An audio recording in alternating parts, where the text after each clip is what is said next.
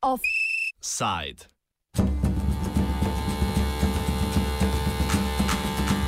Po Irsko v Severni Irski.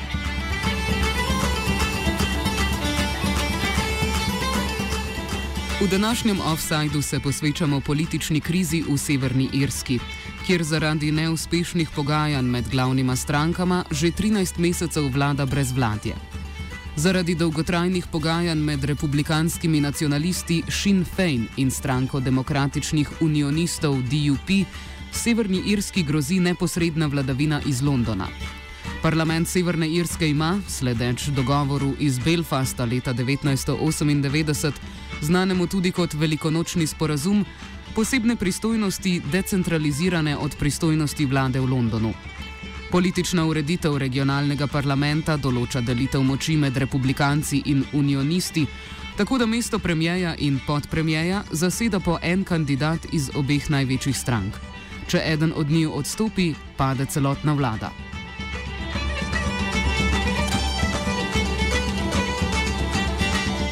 To se je zgodilo januarja lani zaradi afere o programu subvencij za prehod na vire obnovljive energije imenovanem Cash for Ash. Inicijativo za prehod z fosilnih na obnovljive vire energije je zagnala unionistična premijejka Arlene Foster leta 2012. Izkazala pa se je za finančno popolnoma neuzdržno, saj je vlada za vsak funt stroškov ogrevanja s premogom ponudila subvencijo 1,4 funta za ogrevanje z lesnimi briketi. Pri tem ni postavila zgornje meje za subvencije, tako da so ljudje začeli program oziroma denar služiti z ogrevanjem praznih hiš, na koncu pa je program subvencij javno blagajno stal dobrih 500 milijonov evrov. Premijejka Foster ni pristala na neodvisno preiskavo o aferi, zato je odstopil podpremije Martin McGuinness iz stranke Sinn Fein, zaradi česar je padla vlada. Marca so se ponovile volitve v parlament, na katerih so unionisti sicer prejeli največ glasov, a so hkrati v parlamentu svojo prednost pred republikanci znižali z 10 na le en sedež. Od takrat pa stranki DUP in Sinn Fein nista dosegli dogovora o novi vladi.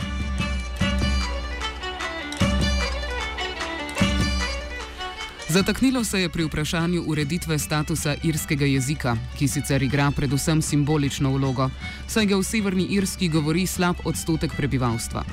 Ker je spor glede ureditve statusa irskega jezika tako simboličen, si je težko predstavljati, da bosta stranki sprejeli kompromis. Trenutno sploh ni znano, kaj točno naj bi ureditev irskega jezika zajemala, se pa z njo Sinn Fein zauzema za podobne ureditve, kot so obveljale na Škotskem in v Walesu. Razloži Jonathan Tong z Univerze v Liverpoolu. We don't know what an Irish Language Act would cover. I mean, that's just part of the problem. Uh, you know, a, a, tough Irish Language Act would introduce quotas for public service bodies, would demand, um, you know, uh, that you be favoured if you're an Irish speaker in terms of entry to certain professions, etc. Sinn Féin have said that won't be the case. What they wanted was protections for um, recognition for the Irish language, formal recognition, but without quotas. There would also be speaking. Um, uh, you'd have to have simultaneous translation in the Northern Ireland Assembly, for example, in, into Irish. Uh, it's not really about the Irish language in one sense, because only 1% of people speak it, and there's not going to be a vast improvement in the numbers speaking Irish as a consequence of this. The Irish language has become sort of politicized as a, as a cultural and linguistic symbol um, of Irishness. Uh, and in the zero sum game politics that is Northern Ireland, where gains for one community mean losses for the other, you know, um, in their perception, that's what the, the importance of an Irish Language Act has become. I mean, hardly anyone speaks Irish, the Irish language, hardly anyone speaks Ulster Scots. But you can see it from Sinn Féin's point of view. If you've, have, if you've got devolved governments in Scotland and Wales, which have introduced uh, a Scottish Gaelic Act, where only 1% of, the, of, of Scots speak Gaelic, and a Welsh Language Act, where admittedly more people do speak Welsh, 19% speak Welsh as their first language. You know, frankly, why would Sinn Féin, as the representatives of Irishness in, in the north of Ireland, why would they settle for less uh, than Scots Gaelic speakers or Welsh language speakers have got? They're bound to want. I think the other point to make is that an Irish Language Act was agreed in the St Andrews Agreement of 2006, which the DUP and Sinn Féin signed up to. What it was mysteriously diluted, that, that agreement, in the legislation that followed and, and, the, and the specific commitment of the British government to introduce an Irish Language Act w- was dropped.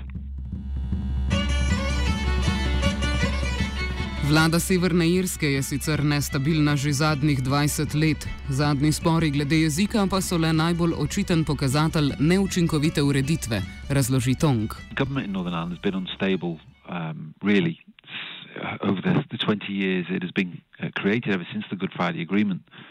What has um, produced the latest row has been Sinn Féin uh, as the representatives of, uh, of Irish nationalism demanding an Irish Language Act, which the Democratic Unionist Party, as the lead representative of the, the Protestant British Unionist tradition, is steadfastly opposed. Both parties are representing their support bases. Only 10% of DUP voters uh, would accept an Irish Language Act, whereas 84% of Sinn Féin voters want an Irish Language Act. From a, an Irish nationalist or Republican point of view, you know, an Irish Language Act is another uh, indicator of the legitimacy uh, of the the Irish tradition uh, on the on in Northern Ireland. Um, there's very little room for compromise here. Um, that's what makes me pessimistic about this. Um, uh, neither party appears capable of budging too much on this. The DUP, some in the DUP, have tried to sell the idea of an Irish Language Act as part of a three-tier uh, deal in which there would be protection for Ulster Scots, which a small number of unionists speak, and there'd be a broader piece of legislation on cultural equality. But yeah, I don't think the draft agreement was ever really sellable to the DUP's own constituency. So there's no immediate prospects of any restoration of Northern Ireland's devolved government. Dogovora iz Belfasta leta 1998, ki določa aktualno politično ureditev Severne Irske, nista priborili stranki Sinn Féin in DUP. Glavni podpisnici dogovora sta bili stranki Ulster Unionist Party in Social Democratic and Labour Party. Mick Fealty, urednik bloga Slugger O'Toole, meni, da določila dogovora za današnji politični teren niso primerna. The Good Friday Agreement, let's remember, wasn't put together by Sinn Féin and the DUP. They inherited it from the two more moderate parties. That's the Ulster Unionist Party of David Trimble and the SDLP Party of John Hume. They were the architects of a very rigid system of power sharing that could only be really run by liberal giving uh, movements. So I think it's we have a basic incompatibility. We, have got a machinery that demands flexibility, that is rigid but demands flexibility on the part of the political parties. And we have, instead of having a flexible political parties, we've now got two rigid parties trying to work a rigid system, and the rigid system or the parties uh, uh basically cannot make that thing deliver anything. Severnoirski novinar Imon Melli je pred kratkim objavil dokumente, ki naj bi bili osnutek dogovora med strankama glede statusa irskega jezika. Iz dokumentov naj bi bilo razvidno, da je bila tudi stranka DUP delno pripravljena na kompromis glede ureditve statusa jezika. Mick Hilti ocenjuje, da je šlo pri razkritju dokumentov za strateško-politično dejanje ene izmed obeh strank. Uh, one of the parties to these supposedly confidential negotiations has deliberately leaked it as a political act in itself. So I think we have to be we have to be mindful, uh, and and it's it's likely uh, that that's Sinn Féin because they're they're trying to um, they've been trying since the breakdown to sell this as a potential agreement when in fact actually we have no there was no sense before the announcement last Monday that the prime ministers were coming from the Republic and from the United Kingdom that a deal was actually in the offing. And for most of the last year, we have had no indications that they have made any progress on this at all. So, um, the idea that the latest position paper somehow um, constitutes a prototype agreement is purely it's it's pure spread it's, it's, pure speculation uh, uh, and speculation prompted by whomever you know whichever of the parties leaked it and I think it's probably Sinn Féin uh, because it serves their political purposes. Better to paint the DUP as the defaulters on this particular occasion. Jonathan Tong z Univerze v Liverpoolu meni, da je stranko DUP za premik v smeri dogovora forsirala predvsem predsednica Arlene Foster. Kljub temu, da večina njenih članov ne podpira posebne ureditve statusa irskega jezika. Yeah, it was never signed off as a deal, but it's quite clear that the DUP and Sinn Féin um, were talking. I was with representatives of, of both parties last night, um, and um, it's quite clear that, that both parties had had seen these documents that they'd helped draft these doc they'd helped draft the documents, and that we weren't that far away um, from an agreement. Um, you know, based upon three bills in one. You wait years for uh, an Irish language bill, and then three bills come along at once on on language. Uh, they, they, were quite close to a deal, but not close enough. And I think that Arlene Foster, as leader of the DUP, was a bit nervous about trying to sell it to her own party too heavily, uh, because it was quite clear there was some blowback, there was some resistance to this within the DUP. Od lanskih parlamentarnih volitev v Združenem kraljestvu unionistična DUP v parlamentu podpira manjšinsko vlado konzervativcev pod vodstvom Therese May. Od takrat so se razmere v stranki precej spremenile. The DUP is a, is a party of many places, as it were. You've got the DUP MPs at Westminster who are in a very powerful position, propping up the Conservatives at the moment. They probably weren't that enamoured with the idea of an Irish Language Act. You've got the DUP Assembly members, uh, headed by Arlene Foster, who do want the restoration of devolution and were probably prepared to concede a lot of ground on an Irish Language Act. And then you've got the rest of the DUP, the councillors, plus the voters who are opposed to it. So you know, on the overall, there was probably only the DUP's members of the devolved assembly who were desperate to try and sell this deal, to try and get devolution back. The rest of the DUP was probably pretty hostile to the idea of a deal. Po volitvah v Združenem kraljestvu so poslanci DUP v Westminstru postali najpomembnejši politični akter v Severni Irski. Stranka Sinn Féin je na istih volitvah dobila sedem poslanskih mest, vendar se njeni člani zaseden protestno ne udeležujejo. Konzervativna vlada pa je v parlamentu odvisna od podpore poslancev DUP, s čimer so si unionisti zagotovili precej manevrskega prostora glede dogajanja v Severni Irski. I think that the Westminster election changed everything because the DUP was, for the first time in its history, powerful at Westminster. Theresa May, as the UK Prime Minister, needs the DUP. Theresa May hasn't got any other friends at Westminster. The DUP is all she's got. Uh, as an ally to the Conservatives. So the DUP's 10 MPs could virtually name their price in terms of getting a deal for Northern Ireland. They got the £1 billion extra money for Northern Ireland, and that will be the last sort of favour they'll receive. Um, but the, the problem for the DUP is that Arlene Foster, the party leader, is now the empress without any clothes in, in Belfast because there's no power in Belfast. The devolved government has collapsed. So you've got a party leader presiding over a party, but all power has gravitated to Westminster. There's no power at Stormont at, at present. We haven't got a devolved executive, haven't got a, a devolved functioning assembly. So I, I think that Westminster changed everything. In effect, Nigel Dodds, who's the leader of the DUP at Westminster, He's the most powerful politician from Northern Ireland at the moment. He's effectively running the DUP. Ker stranka DUP trenutno podpira vlado, jim neposredna vladavina iz Londona, vsaj na krajši rok, ne predstavlja resne grožnje oziroma jim je celo v interesu.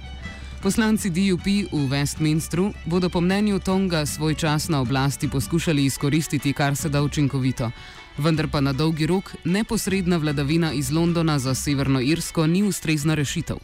In the short term, direct rule is in, in the interest of the DUP um, because they can get what they want from the Conservatives. But, you know, come the next general election in the UK, it's very unlikely the DUP would be in the same favourable position. So the DUP, you know, to some extent, they've got to cash in whilst things are in their favour.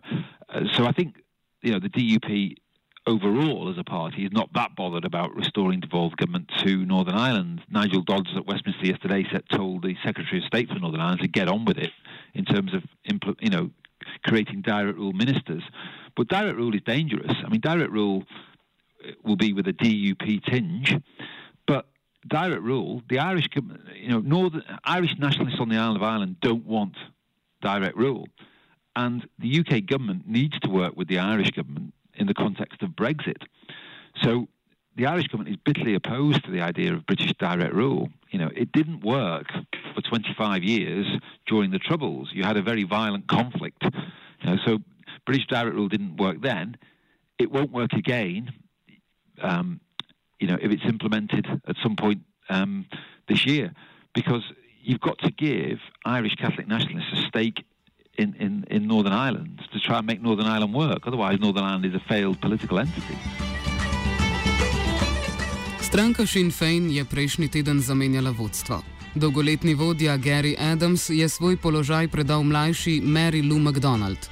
Slednja je odraščala v Republiki Irski in ni obremenjena s povezavami z Irsko republikansko armado, kar bi lahko popolnoma spremenilo politični obraz stranke Sinn Fein, razloži David Farrell z Univerze v Dublinu. The, the change in the leadership of Sinn Fein is very significant. Um, the, the previous leader, Gerry Adams, had been leader for an extremely long time. It, it was a record in this country for how long he had been leader. And he, under his leadership, that party has travelled quite a long journey from uh, a troubled period during the Northern Ireland Troubles when um, it had very close association with the Republican IRA campaign um, uh, against the British. Uh, it's travelled a long journey from that to becoming more and more recognised now as a more normal political party. And so by handing it over like like it has been done now to his successor, Mary Lou McDonald, and I use that phrase quite uh, deliberately. Effectively, it's been handed to her. There was no election for this role. Um, it it marks an important generational change because she has she's too young to have had any involvement in that in that difficult period. Um, it marks an important shift in terms of the profile of the party. She's young, uh, she's a woman, she's extremely capable in, as a as a parliamentary performer. Mary Lou McDonald prihaja iz srednjega razreda, nagiba se k bolj centralističnim politikam in se s svojimi nazori približuje uveljavljenejšim strankam v Republiki Irski. Sinn Fein namreč strankarsko deluje tudi v južnem delu otoka, kjer pa še nikoli ni vstopila v koalicijo. Uveljavljene stranke namreč z njo zaradi povezav z irsko republikansko armado niso želele sodelovati. Sprememba v vodstvu bi tako predvsem za del stranke, ki deluje v Republiki Irski, lahko pomenila izboljšanje rezultatov na prihajajočih irskih volitvah. Več Farel. Up to now, the position of all the main uh, established parties in, in the Irish Republic is that they will not countenance going into coalition with Sinn Féin. And of course, they still say that. But uh, I think most people know the reality is that after the next election, if we still have this um, high degree of division in our parliament, there is a much greater chance now that one or other of the main parties will, will finally agree to go into coalition with Sinn Féin. Novo vodstvo Sinn Feina bi po mnenju Tonga potencialno lahko vplivalo tudi na odnos s stranko DUP, ki bi bolj temeljil na kompromisih, vendar se bo to zares pokazalo šele v prihodnosti. Mary Lou MacDonald uh, the new president of Sinn Féin, is very unlike Gerry Adams. Adams was, was obviously a product of the conflict that engulfed um, Northern Ireland uh, from the late 1960s onwards. Mary Lou McDonald wasn't part of that conflict. She had a middle class upbringing in, in, the Irish Republic. And so she probably doesn't have the conflict mindset that Adams uh, would have had. And although, you know, she remains committed to the Sinn Féin vision of a united Ireland, she's probably more pragmatic uh, in her outlook. Perhaps not in the early days, because you don't.